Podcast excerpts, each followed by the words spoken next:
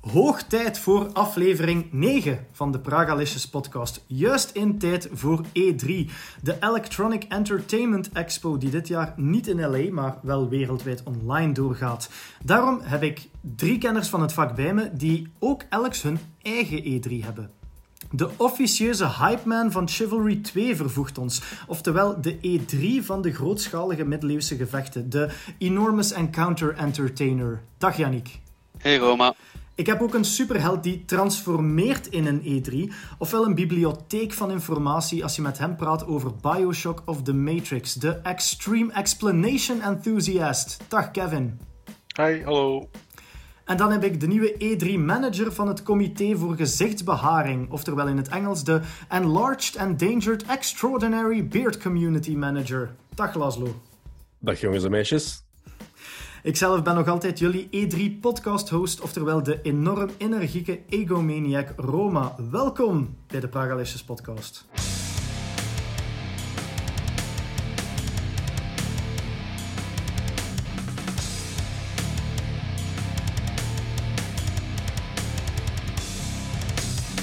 Deze aflevering hebben we het, of wat had je nu gedacht, over de E3 en wat onze verwachtingen zijn. En we gaan een serieuze boom opzetten over Dying Light 2, Far Cry 6, Rainbow Six Quarantine en andere. Dus denk al eens na, wat hebben die games met elkaar gemeen? Maar eerst de smaakpapillen opwarmen met een aperitiefje. Ik kon de nieuwe film The Conjuring The Devil Made Me Do It zien via perspremière in Brussel. En nadien dacht ik, ik ga toch even genieten van deze geweldig weer. En ik heb mij op een terras gezet van het Hard Rock Café op de Grote Markt met een old-fashioned cocktail. Een whisky met een beetje bitter erin, wat sinaasappelzesten en een beetje sparkling soda. Dat was pas een aperitief. Maar Kevin, jij hebt ook een heel goed opwarmerke. Ja, maar dat van nu klinkt ook niet slecht. Maar ehm, ik, ik, ik, ik heb eigenlijk een nieuwtje dat niet echt uh, positief nieuws is. Misschien wel iets wat we, wat we hadden verwacht. Hè. Want um, Herman Hulst, uh, dat is de Nederlandse hoofd van de PlayStation Studios, um, heeft een, in een interview bekendgemaakt dat God of War niet meer voor dit jaar zal zijn. Dus God of War Ragnarok schuift door naar 2022. En um, ja, ik vind dat wel jammer, omdat uh, denk ik heel veel mensen uh, daarop aan het wachten waren. Um, het feit dat ook Gran Turismo 7 al doorgeschoven is naar 2022, um, ehm, zegt ook al redelijk veel. Dus ja, het is een beetje afwachten uh, welke grote titel dat Sony dit jaar nog gaat releasen. Uh, laat ons open dat het Horizon Forbidden West is, maar daarover zelfs meer door, uh, door Yannick, denk ik. Maar het is, um, ja, ik, ik, ik, vind het, ik, ik vind het jammer. Langs de andere kant, hè. een beetje een uitstel is soms, kan soms geen kwaad als het uh, ten goede is. Maar um, ja, we zullen wel zien. Hè. En ook misschien nog wel goed nieuws, om het dan toch af te ronden met goed nieuws. Mijn, mijn, mijn blokje is dat um, zowel uh, Gran Turismo 7 als God of War Ragnarok als uh, Horizon Forbidden West dat die ook nog op de PlayStation 4 gaat verschijnen.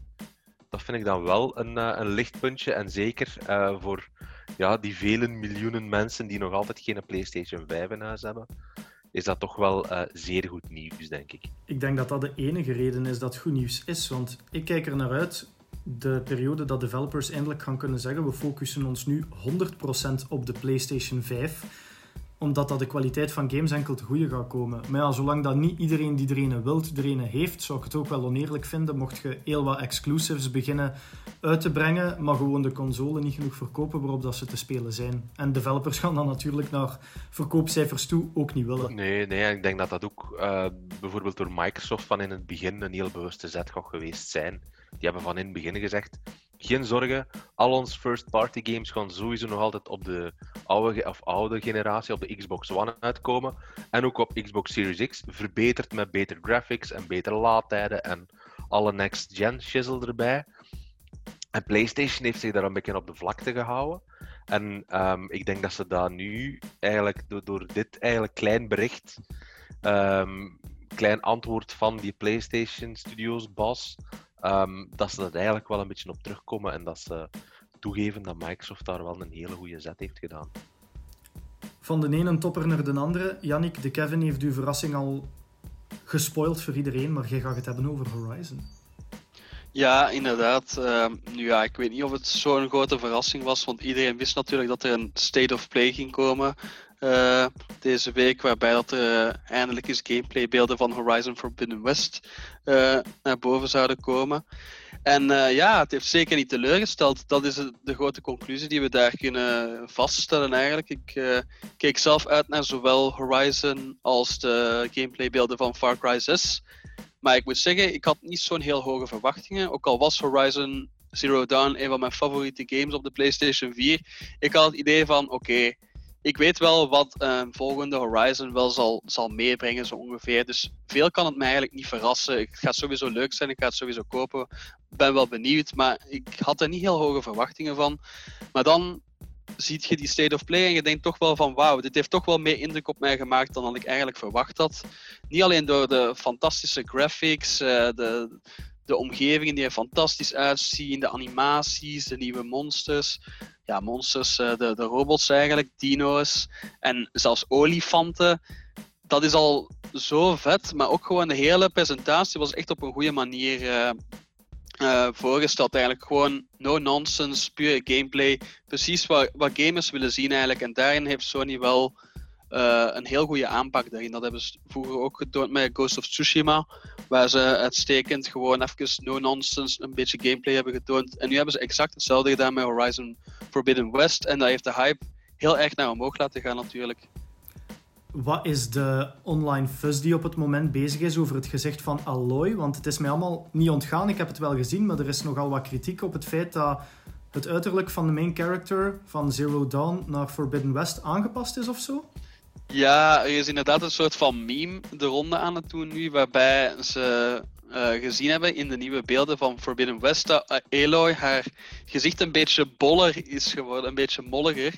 En dus het is zo'n beetje heel erg te overdrijven. Het is natuurlijk het internet. Beginnen ze van die memes te maken waar je echt een, een vet Aloy ziet enzovoorts. Wat eigenlijk totaal geen sens maakt, eerlijk gezegd. Ik had het zelfs niet eens een heel klein beetje misschien opgemerkt. Maar ik vind wel dat ze, ja, het is het internet. Ze zijn enorm aan het overdrijven. En ik vind net dat het een realistische look geeft ook eigenlijk aan een, aan een personage. Allee, het moeten niet allemaal topmodellen zijn als hoofdpersonage. Dus ik vind dat eigenlijk zeker geen negatief iets. Ik, ik vind dat ze er eigenlijk heel Hollands uitziet. Ik weet niet waarom, maar die heeft een heel Hollands uiterlijk. Het feit dat, ze, dat, dat, dat Guerrilla in Nederland zit, zal er iets voor intussen steken, denk ik. Maar ik weet het niet, ik, vind het allemaal weer een beetje, uh, ik beetje vond dat, opgeblazen. Ik vond dat bij, um, bij de eerste Horizon al dat ook veel van die namen en zo wel geïnspireerd waren door Nederlandse namen. Dus ik denk dat ze dat er ook wel een beetje aan doen. Ze. Ja, ik denk dat ook, maar dat is hetzelfde met CD Projekt Red. En daar had je dan meer Poolse namen en zo. Dus ik denk dat heel veel ontwikkelaars een beetje hun roots en origines in hun game willen overbrengen ook. Ik ga zelf even inpikken op uw moment, Yannick. Omdat Kevin had uw moment vermeld en jij hebt dat van mij al een beetje vermeld. Dus we zitten in een prachtige cyclus die ik niet ga onderbreken. Ik wil het even uh, kort hebben over Far Cry. Far Cry 6, daar hebben we ook nieuwe gameplaybeelden van gekregen. Heel wat informatie ik was al ongelooflijk hyped voor die titel. Gewoon als superfan van Far Cry. Ik heb ze allemaal gespeeld. Uh, buiten Primal, moet ik zeggen. Maar ik ben een ongelofelijke fan van de reeks, dus ik keek echt zwaar uit. Ik, ik was al no aan het roepen toen dat die game uitgesteld werd, maar daarover later meer. Maar die nieuwe trailer, ja, ik was er echt weg van. Ik was uh, aan het wachten totdat hij er kwam en had dan een countdown timer op de website. En zelf nog maar simpel tijdens die countdown timer met de beelden die je al te zien kreeg en het wachtmuziekje dat dan altijd maar intenser werd uh, toen het eraan ging komen, dat was al zo Far Cry. En dan ja, in een trailer zelf, de locatie, de characters zien er allemaal super cool uit. Vooral de setting is jaren 80 Cuba, dat we met de, de, de speeltuin van Yara voorgeschoteld krijgen. Het main character, Danny Rojas, dat zowel uh, vrouwelijk als mannelijk kan zijn, is echt een complete badass. En ja, de humor hè, die er weer doorkomt. Ik denk dat dat de strong point is van Far Cry, een reeks die perfect weet de balans te vinden voor mij tussen een, een mooi compelling story en ook zichzelf niet te serieus te nemen of gewoon ruimte te laten voor, voor heel, heel funny shit. En dat ziet je nu ook bij de wapens vooral. Je hebt een rocket launcher backpack die je kunt bij hebben. Je kunt blikken tonijn schieten, je hebt heel coole huisdieren. Er is een krokodil die je op mensen kunt afsturen. Er is de verschrikkelijk schattige tweebenige hond met een soort van uh, go-kart rolstoel langs de achterkant genaamd Chorizo. En dan het hoogtepunt voor mij van de trailer was de Macarena Gun. Een geweer dat cd's afschiet, dat ondertussen het nummer Macarena aan het afspelen is en dat zo wat blijft haperen als je aan het schieten bent. Dat was Jizzing My Pants Right There. Ja, dat nummer heeft nog een hele avond in mijn hoofd gezeten. Uh, bedankt Ubisoft trouwens. dat, dat, was echt zalig. Dat die, zo, die kerel die headshots aan het geven is en dan is dat zo... Eh, eh, eh, eh, eh, Macarena. Dat was echt cool. Laszlo, sorry, ik heb geen brug naar u gebouwd. Wat wilde jij nog vertellen? prachtige, prachtige segue. Um, wel, we gaan het straks uh, allemaal lekker leuk over E3 hebben. Um, daar kijken we allemaal natuurlijk naar uit. Maar ik denk dat de Blizzard-fans um, toch nog een beetje teleurgesteld zijn. Want zij kunnen dit jaar niet uitkijken naar hun uh, BlizzCon. Nu, niet uitkijken naar BlizzCon. We hebben natuurlijk al BlizzCon Online gehad in uh, februari. Dat een beetje de BlizzCon van vorig jaar moest vervangen. En ze hebben al aangegeven dat ze dan begin volgend jaar ook weer iets, een agenda willen hebben waarin dat ze in een meer beperkte kring, uh, kring mensen willen um, uitnodigen voor een, voor een, um, een, een in-person event, maar dan ook weer online heel veel dingen aankondigen. Ik was er eigenlijk niet van uh, verrast dat ze dat aankondigden. Dat was een logische zet. We zitten nog steeds met corona, ook al gaat de vaccinatiecampagne in de US ook heel vlot. Um, maar uh, ja, dus ik zou ook niet weten wat ze nog veel extra te vertellen gaan hebben tegen het einde van het jaar. Wat ze begin dit jaar niet verteld hebben. Laat die mensen even gewoon hun werk doen en dan kunnen ze begin volgend jaar wel uh, aan de slag met nieuwe trailers en, en CGI uh, madness, waar we allemaal uh, helemaal warm van worden, denk ik. Ik wil Diablo 4 gameplay footage extra. Zoveel mogelijk. Dat, dat, dat, dat ga ik wel missen. En misschien dat ze het wel gaan doen tijdens Gamescom. Hè. Blizzard staat er wel een beetje onbekend dat ze tijdens Gamescom op de opening night altijd wel iets doen. Dus misschien dat we als, als Blizzard-fanaat onze, onze Blizzard-fix wel gaan krijgen op Gamescom uh, eind augustus. Who knows? 12 tot 15 juni. We hebben de data al lang genoteerd in onze agenda. De hoogmis voor gaming, wereldwijd misschien wel op het moment, met de E3 die dit jaar volledig online doorgaat. Want voor corona nog altijd. We kijken er allemaal enorm naar uit om terug zaken te zien van echte beurzen, zoals E3 of rond te lopen op Gamescom en dergelijke. Maar voorlopig is het niet anders.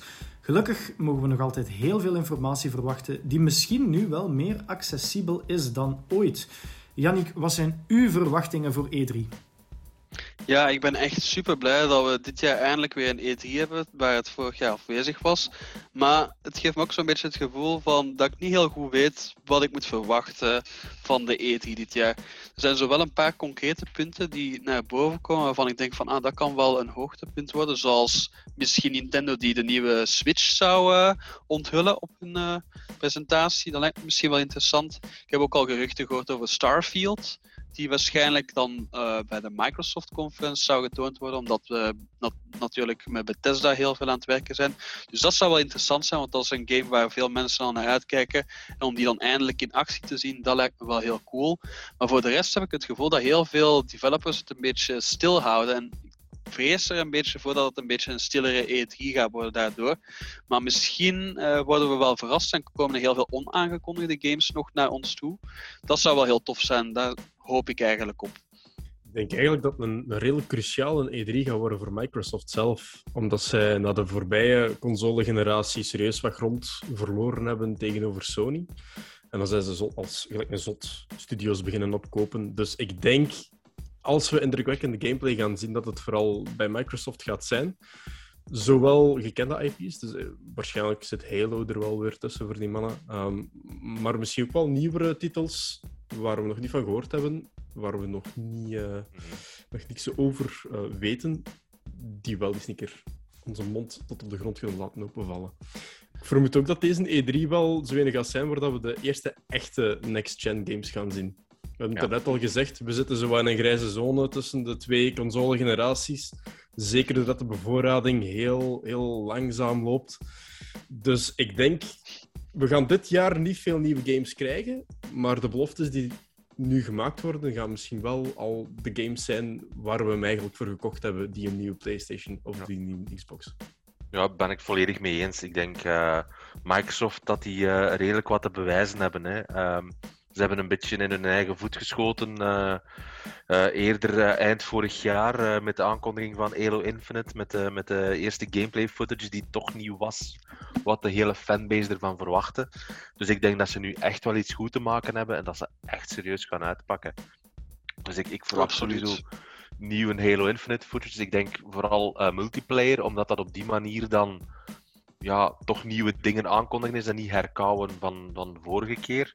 Um, ik, ik verwacht wel een nieuwe Forza, um, omdat meestal is dat wel zijn racegames altijd games die samen met consoles uitkomen. Omdat dat eigenlijk heel, tussen makkelijk de kracht van een console kan laten zien. En wat dat altijd heel indrukwekkende beelden geeft. En, en dat was er nu niet. Dus ik verwacht die eigenlijk wel, uh, die aankondiging voor, voor release dit jaar nog. En um, ja, ik denk dat we ook gameplay footage van Perfect Dark gaan zien. Uh, die is uh, vorig, vorig jaar uh, geteased met een, met een trailer. En, en dat denk ik toch wel um, dat we dat te zien gaan krijgen bij Microsoft. Ja. Kan ik van jullie antwoorden afleiden, of van jullie mening of van jullie verwachtingen, dat er unaniem zo dezelfde sfeer is dat jullie denken dat Microsoft de studio gaat zijn die met de, met de spotlight gaat gaan lopen? Ja, absoluut. Ik denk dat, dat, dat, dat, denk dat ze dat verplicht zijn. Um, ze hebben zo'n gigantische verwachtingen, zoals Laszlo zei. Ze hebben uh, zo een helft van alle beschikbare onafhankelijke studio's opgekocht, denk ik. Uh, met een of andere met, met een of, of toch wat credibiliteit.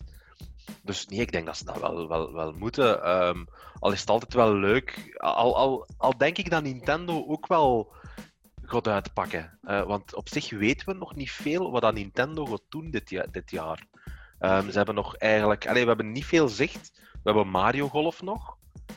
En, en ja, dat is nu ook niet echt de meest geweldige titel. Allee, ik kijk er wel uit, want ik vind, dat, ik vind, die geestig. Um, maar voor de rest... We hebben... Um, Zelda Breath of the Wild 2, waar we niks meer van gehoord of gezien hebben. Ik heb Metroid Prime 4, dat ze ondertussen drie, vier jaar geleden het logo van hebben laten zien. En sindsdien is het uh, akelig van, stil. Van studio verkast, ja. denk ik. Hè? Dus die zijn ja. echt wel opnieuw begonnen, denk ik. Ja, die zijn, ja, die zijn helemaal begonnen, terug, inderdaad. Ja. ja. Goh, ja, the one to beat is meestal wel Sony. Hè? En op het moment van opnemen hebben zij eigenlijk nog geen persconferentie aangekondigd. Um, officieel zitten ze al niet in de mix van de E3, dacht ik. Dus um, nee. ja, de vraag is: gaat Sony erbij zijn? En um, if zo, wat gaan ze tonen? Want ik heb zo wat het gevoel dat ze al de kruid al verschoten hebben met die State of Play van uh, de nieuwe Horizon. Ik denk, uh, ik heb onlangs nog eens gelezen dat zij nog een stuk of 15 onaangekondigde games hebben, waarvan heel veel nieuwe IP's zijn. Dus ik denk dat Sony, zoals altijd eigenlijk, heel veel games in de maak heeft die op zijn tijd wel zullen komen.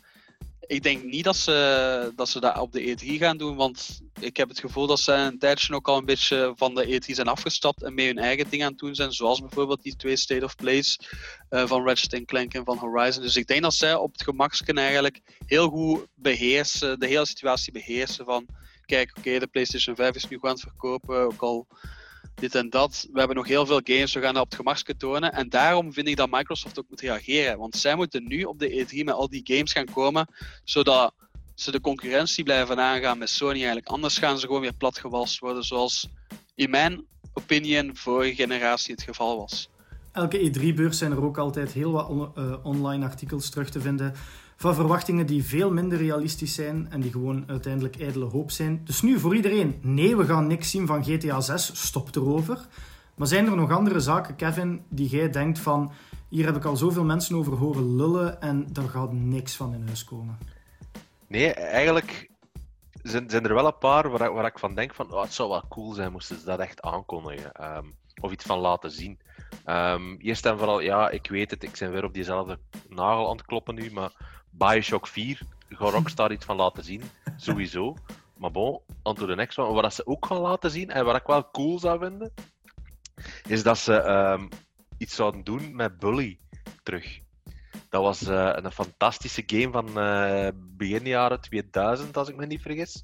Um, en er is gaat ook al heel lang geruchten over van dat ze daar terug iets uh, rond aan het zijn. En, en dat zou ik wel cool vinden, moesten ze dat eigenlijk uit, uit een hoed toveren. En ehm, ja, we hebben nog altijd. Wat, wat ook altijd wel cool is bij, bij Microsoft, is dat zij heel veel third-party uh, announcements hebben. Ik denk uh, maar uh, twee jaar terug aan Cyberpunk met Keanu Reeves op het podium. Was geniaal. Um, dus misschien kondigt uh, CD Projekt Red wel um, The Witcher 4 aan of zo uh, op de Microsoft. No of, eh, way. Maar ik, ik, ik, allee, het zou cool zijn moesten ze dat doen. Langs de andere kant gaat dat zoveel backlash geven, want ze hebben Cyberpunk nog altijd niet op orde. En om dan al aan te kondigen van hey, we zijn met Witcher 4 bezig. Wat ze sowieso wel al aan het doen zijn. Hè. Ik denk dat dat geen geheim is, maar bon. Maar ik zou het wel cool vinden. Eentje die wel meer likely lijkt, maar waar, ik, waar we volgens mij toch niks van gaan zien, is de nieuwe Elder Scrolls game. Er zijn ondertussen ook al redelijk lang aan het werken. Maar ik vermoed... Eh, um, ja, ik zei net ook al, uh, ik ben even de naam kwijt, een andere game. Starfield, Starfield um, ja. waar Bethesda aan bezig is. Als ze een van die twee tonen, vermoed ik eerder Starfield. Ja. Um, maar het gaat sowieso niet allebei zijn. Daar, daar geloof ik niet in. Nee, er, er zijn dat al heel veel hardnekkige geruchten hè, uh, over Starfield. Dus ik denk dat dat wel een hele valabele is. Ja, ik denk inderdaad dat ze Starfield gaan tonen. En als ze Elder Scrolls ze hebben zelfs al het logo laten zien. Dus ik denk dat ze dat gewoon achterwege gaan laten. Ze hebben ook gezegd dat dat nog heel lang gaat duren voordat die uitkomt. Dus ja. ik denk inderdaad dat die het niet wordt.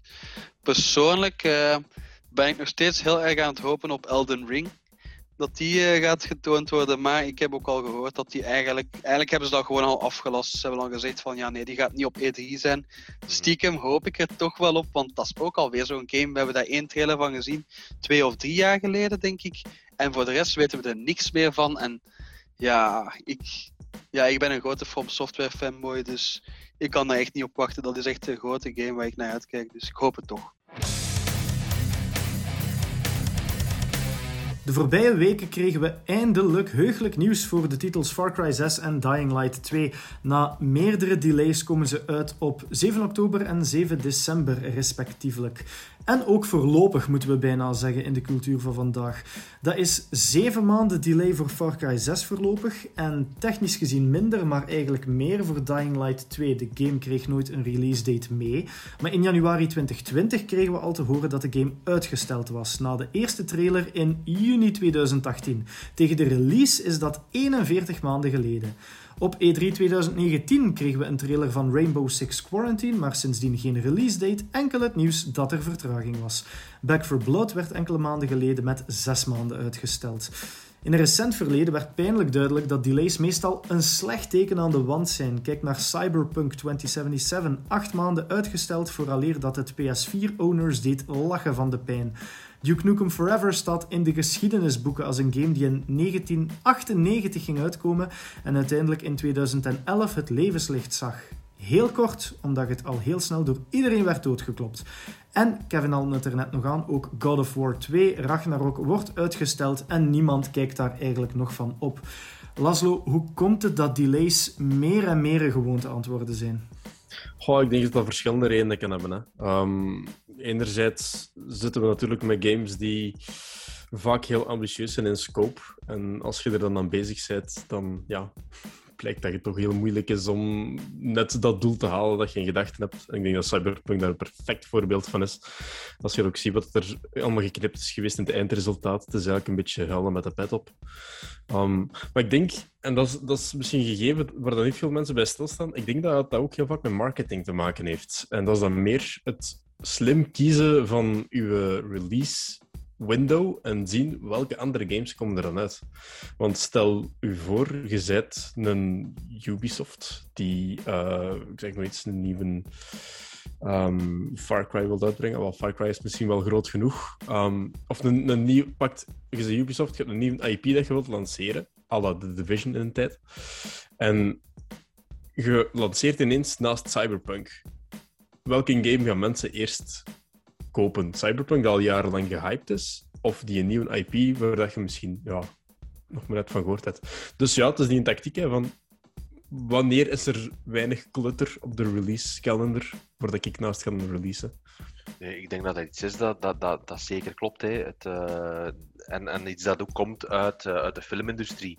Ik denk dat we dat bij filmreleases wel regelmatig zien, dat de filmrelease twee weken skipt of zo, om dan net niet naast een grote, uh, een grote blockbuster te komen. Um, en, en op zich is dat logisch, hè. en ik denk dat dat ook niet erg is als, als een game nu twee of drie weken opschuift. Ik denk dat we daar allemaal niet, niet van doodgaan. Dat is, dat is jammer. En dat is vervelend als je dan bijvoorbeeld congé hebt gepakt voor die game te spelen, maar bon.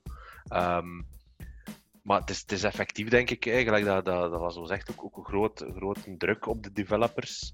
Um, en, en de angst om te falen. Hè. Um, ik denk dat dat uh, zeker, zeker een reden is waarom, waarom dat er heel veel games worden opgeschoven, om dan een, meer tijd te geven om de game te fixen en het, dat het dan uiteindelijk toch niet gefixt geraakt zijnde cyberpunk, uh, om, om nog eens op diezelfde nagel te kloppen, ja, dan wordt het wel vervelend. Maar in C hè, um, is, het, is het geen grote ramp, vind ik, als er games opgeschoven worden. Dat is meestal voor ten goede uit. Nee, ik denk dat we allemaal in die fase zitten van ons gaming bestaan, waarbij dat onze stockpile toch zo groot aan het worden is dat ik ook zoiets heb van, van twee weken extra wachten op een game. Ga ik niet sterven, ik heb er nog vijf in plastiek liggen of zoiets. Hè? Dus, uh, maar het klopt inderdaad, delays, mensen beginnen meer en meer te accepteren, Yannick. Maar ja, heel vaak leidt dat niet tot een beter spel. Dus hoe komt het dat zelfs als de community, alleen het is niet dat we er echt veel keuze in hebben, maar zelfs als de community zegt van oké, het komt later uit, geen probleem, pak er een tijd, want Cyberpunk kreeg applaus toen dat ze het uitstelden. En, en met die meldingen van um, release date when it's ready. En toch levert dat nooit betere games op, of toch niet uit recente ervaringen. Hoe komt dat, Yannick? Ik denk dat dat ook weer, zoals Laszlo zegt, heel erg afhangt van de situatie. Ik denk dat Cyberpunk het grote probleem daarbij was, was de hype. De hype die zo in onmetelijk groot was. En zij die op voorhand al een beetje beginnen zeggen van ja, het gaat op dat moment uitkomen. Maar eigenlijk hebben ze dat heel slecht geschat dan, want op het moment dat het zogezegd zover was, stellen ze nog acht maanden uit.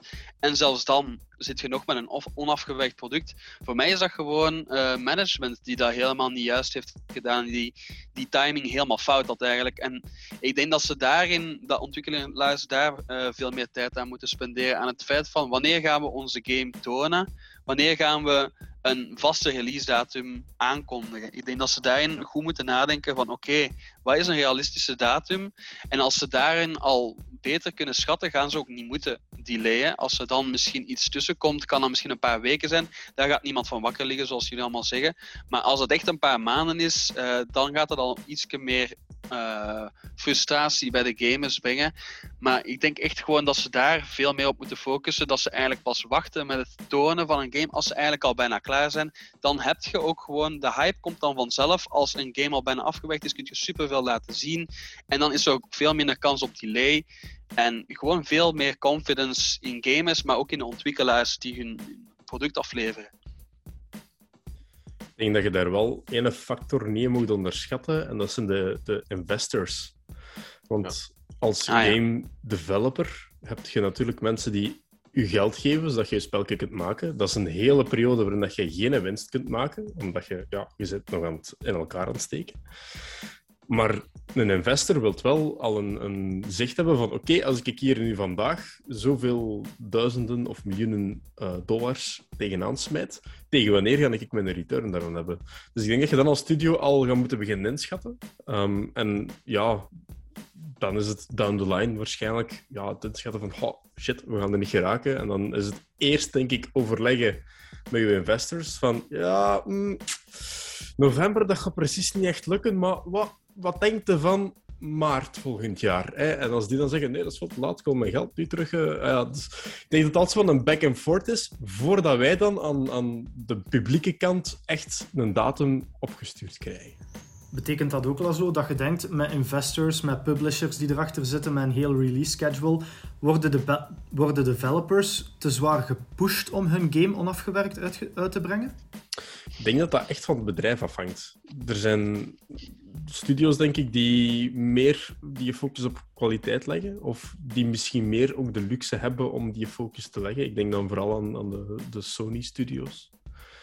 Ehm, die duidelijk vanuit hun, moederbedrijf wel echt zo die, die, uh, die ruimte krijgen om eerst hun product op punt te zetten.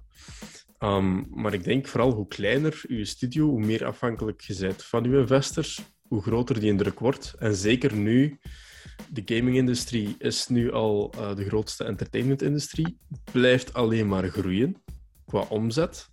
Daar zijn meer en meer ja, financiële partners die daar interesse in krijgen, die niet weten hoe dat het allemaal in zijn werk gaat. Dus ja, die druk, ik denk dat die inderdaad nog steeds aan het toenemen is zelfs. Ja, ik, ik, volgens mij is, is nog een belangrijke factor dat we niet mogen vergeten, is waarom dat games tegenover pakt vijf of tien jaar geleden veel, veel vroeger worden aangekondigd, is eigenlijk het internet. Uh, je hebt eigenlijk de sociale media. We worden de laatste weken gebombardeerd met leaks uh, van verschillende mensen over geruchten die de ronde doen over wanneer die game gaat aangekondigd worden. Uh, er wordt al twee jaar uh, gesproken over een Nintendo Switch Pro of, of een vernieuwde versie daarvan. Dat is onwaarschijnlijk en ik denk dat daarom ook is dat, dat vooral de uitgevers dan, hè, want, want dat zijn de mannen die de ontwikkelaars geld geven, is dat de uitgevers zo snel mogelijk willen, willen aankondigen van kijk, we zijn met die game bezig. Um, hebt wat geduld. Dat is de bedoeling om, om dat game over een jaar te releasen, of zelfs zonder datum. En op die manier eigenlijk de, de, de hype in, in, in eigen handen te hebben. Laszlo, als we kijken naar launches van enkele online titels van de voorbije jaren, ik denk aan bijvoorbeeld Battlefield, ik denk aan The Division, is de tijd dat we een afgewerkt spel op release mogen verwachten definitief voorbij? Dat hangt van het type spel af, denk ik. Gelijk dat je nu een paar voorbeelden op soms, dat zijn inderdaad games die leven. Dat is ja, dat, dat hele games as a service concept. Um, dat je op release een spel in een bepaalde vorm hebt. En dat blijft leven en dat houdt zo eigenlijk ook zijn fans langer bij.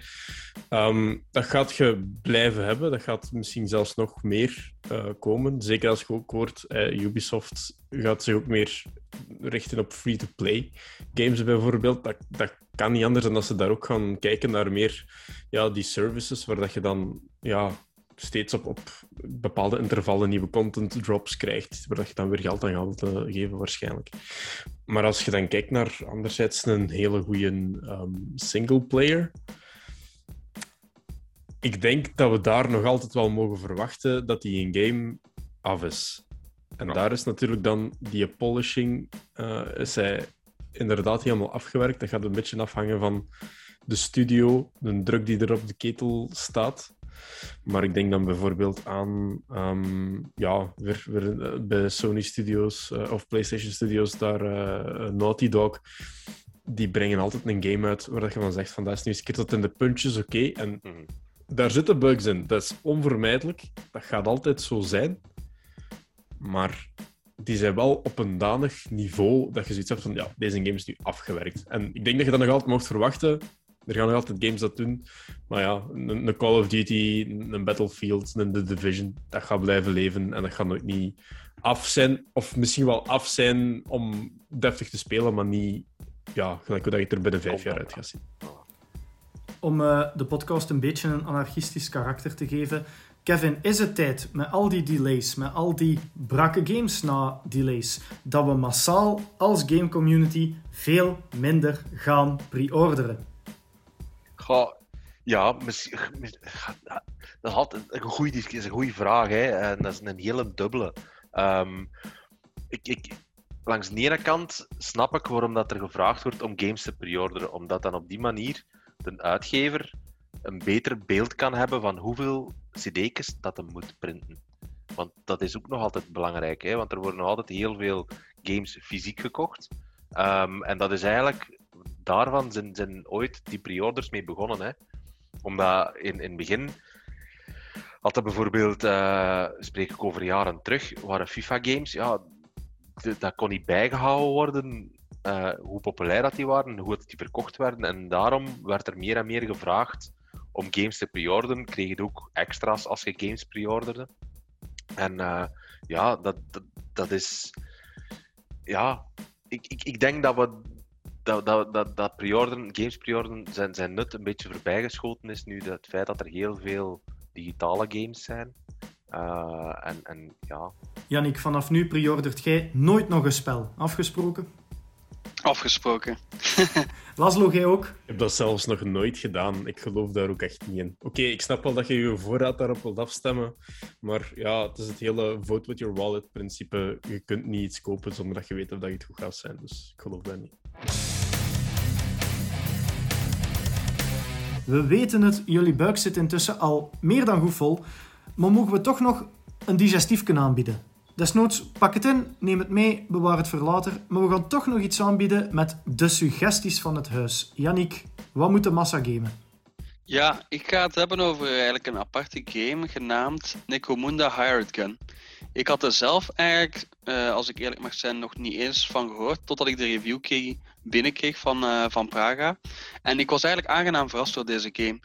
Uh, dat is eigenlijk een game die ik zelf nooit zou hebben gespeeld als ik geen reviewer was. En daardoor ben ik ook wel heel blij dat ik hem toch heb kunnen ervaren en wil ik deze dus in de spotlight zetten. En um, waarom wil ik die in de spotlight zetten? Omdat het eigenlijk een super toffe Doom-kloon is. Dat is eigenlijk de beste omschrijving die je het kunt geven. Het voelt als Doom. En het speelt ook veel als Doom, maar het heeft ook wel zijn eigen identiteit, omdat je niet demonen aan het afknallen zet, maar je zet meer ventjes aan het afknallen in het Warhammer 40k-universe, als uh, mensen daar fan van zijn.